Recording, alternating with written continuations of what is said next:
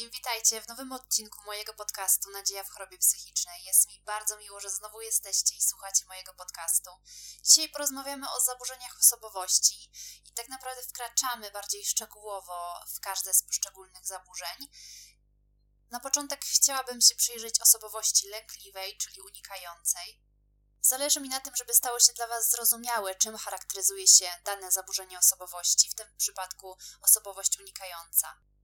To zaburzenie osobowości z reguły pojawia się w młodości. Można je zdiagnozować nawet jeszcze przed 18 rokiem życia. Szacuje się, że typ osobowości unikającej dotyka około od 0,5% do 3% populacji światowej. Według Międzynarodowej Klasyfikacji Chorób i Problemów Zdrowotnych ICD-10 cechy charakterystyczne dla osobowości lękliwej to m.in.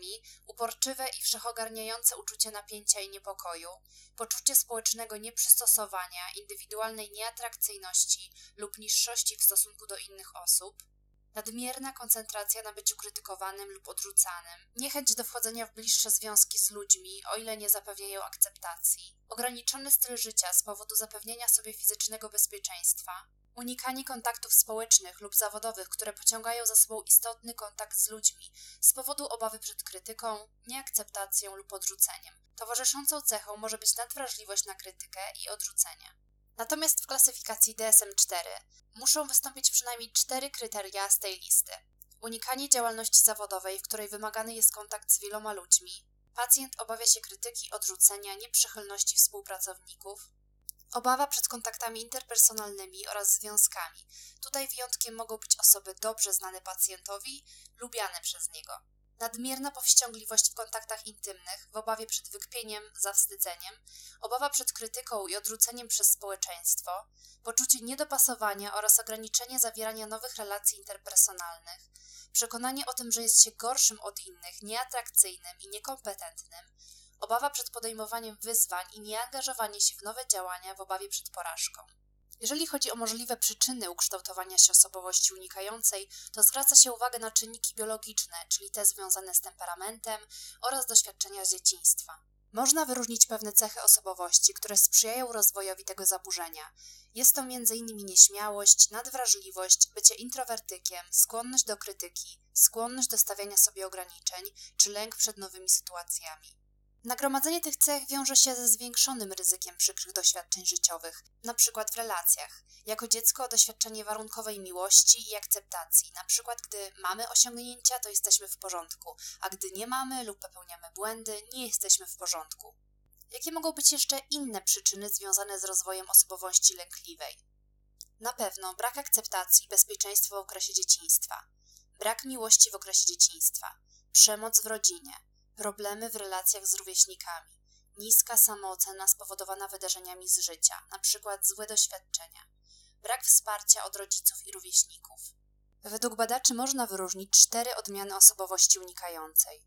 Pierwsza, odrzucająca samą siebie, to taka odmiana, gdy zauważamy tendencję do unikania, która łączy się ze skłonnością do rozpamiętywania własnej bezwartościowości, co jest charakterystyczne dla osobowości depresyjnej.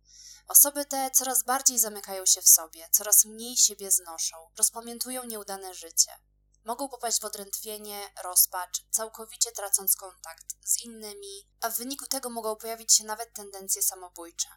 Drugi typ to wewnętrznie rozdarty. Osoby takie przeżywają silną ambiwalencję pomiędzy zależnością a lękiem przed nią. Są wyjątkowo chwiejne emocjonalnie.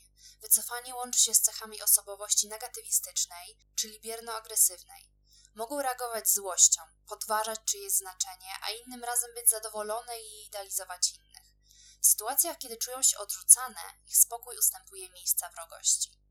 Trzeci typ to typ fobiczny, z cechami osobowości zależnej. Przeżywają bardzo często uogólniony lęk. Charakterystyczne jest też znajdowanie sobie zastępczego obiektu lub sytuacji, na które przenoszony jest lęk z prawdziwego obiektu. Na przykład nie boją się nauczyciela, ale boją się jazdy autobusem. Czwarta odmiana to przewrażliwiona, z cechami osobowości paranoicznej. Bardzo nieufna, przerażona, przeczulona, wyczulona na zachowania innych, które interpretuje przeciwko sobie. Zagrażające jest to, że przy osobowości unikającej mogą pojawić się wyraźne symptomy typowe dla fobii lub depresji. Pacjent może odczuwać frustrację ze względu na porażki dotyczące jego życia społecznego. Często ludzie z osobowością unikającą nie zdają sobie sprawy z istoty i źródła swoich problemów. Co warto też zauważyć, często nie odsuwają się od innych świadomie. Bardzo często jest to nieświadome i generalnie są nieświadome swoich problemów. Pragną akceptacji, zrozumienia, nawiązania relacji z innymi, ale ogranicza ich niskie poczucie własnej wartości, nadmierne przeżywanie porażek i negatywnych emocji. Ponadto osoby unikające nie radzą sobie najlepiej z wyzwaniami dnia codziennego, ponieważ opierają się one na kontaktach z ludźmi tak naprawdę, a większość tych osób stara się jakoś ograniczyć interakcje społeczne i u tych osób, którym nie uda się przystosować, mogą rozwinąć się nawet zaburzenia lękowe. Najczęściej są to lęk uogólniony, fobia społeczna czy zaburzenia obsesyjno-kompulsyjne. A jak wygląda diagnoza? Rozpoznanie osobowości unikającej polega na stwierdzeniu występowania objawów charakterystycznych dla kryteriów ICD-10 oraz DSM-4. Konieczne jest także wykluczenie przyczyn neurologicznych. Tym zajmuje się psychiatra. Musi to być specjalista, który właściwie zauważa, co jest normą, a co nie.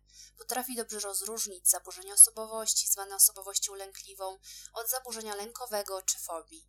Proces leczenia często nie następuje od razu, ponieważ osobowość lękliwa jest zaburzeniem, które może być bagatelizowane przez otoczenie. I tym bardziej ważne jest, żeby otrzymać prawidłową diagnozę od lekarza psychiatry. Lekarz zdecyduje, czy w danym przypadku wymagane jest na przykład wdrożenie leków, może wdrożyć psychoterapię, to, co się zauważa, to to, że na początkowym etapie skuteczniejsza jest psychoterapia indywidualna, ale oczywiście nic nie stoi na przeszkodzie, żeby na dalszym etapie leczenia przystąpić do psychoterapii grupowej. Na koniec ogólna refleksja na temat tego, jakie nurty psychoterapeutyczne czy techniki mogą być najbardziej pomocne dla pacjentów z osobowością unikającą. Często to podkreślam, więc podkreślę to jeszcze raz, że nie powinno się generalizować, ponieważ każda osoba jest inna i potrzebuje czegoś innego. Zwraca się uwagę jednak na pewne nurty, które szczególnie wyróżniają się, jeżeli chodzi o leczenie e, tego zaburzenia. Jest to nurt psychodynamiczny, psychoanalityczny, poznawczo-behawioralny czy dialektyczno-behawioralny.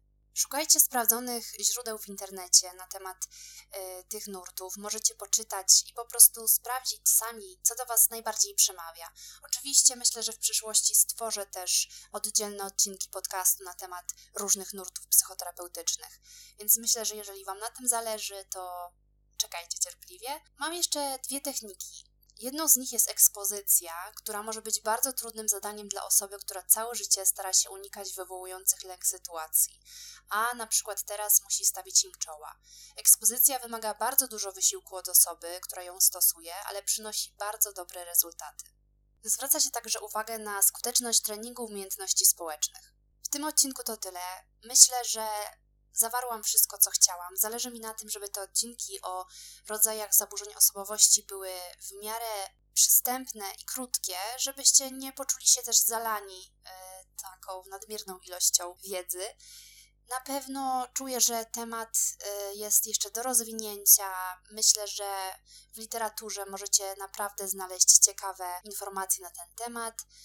Mogę umieścić pod tym odcinkiem podcastu parę źródeł, e, z których korzystałam. Zachęcam Was do przyjrzenia się temu. Podsumowując, dziękuję, że wysłuchaliście dzisiejszy odcinek podcastu. Pozdrawiam Was serdecznie, życzę dużo zdrowia w tym trudnym czasie i do usłyszenia za tydzień.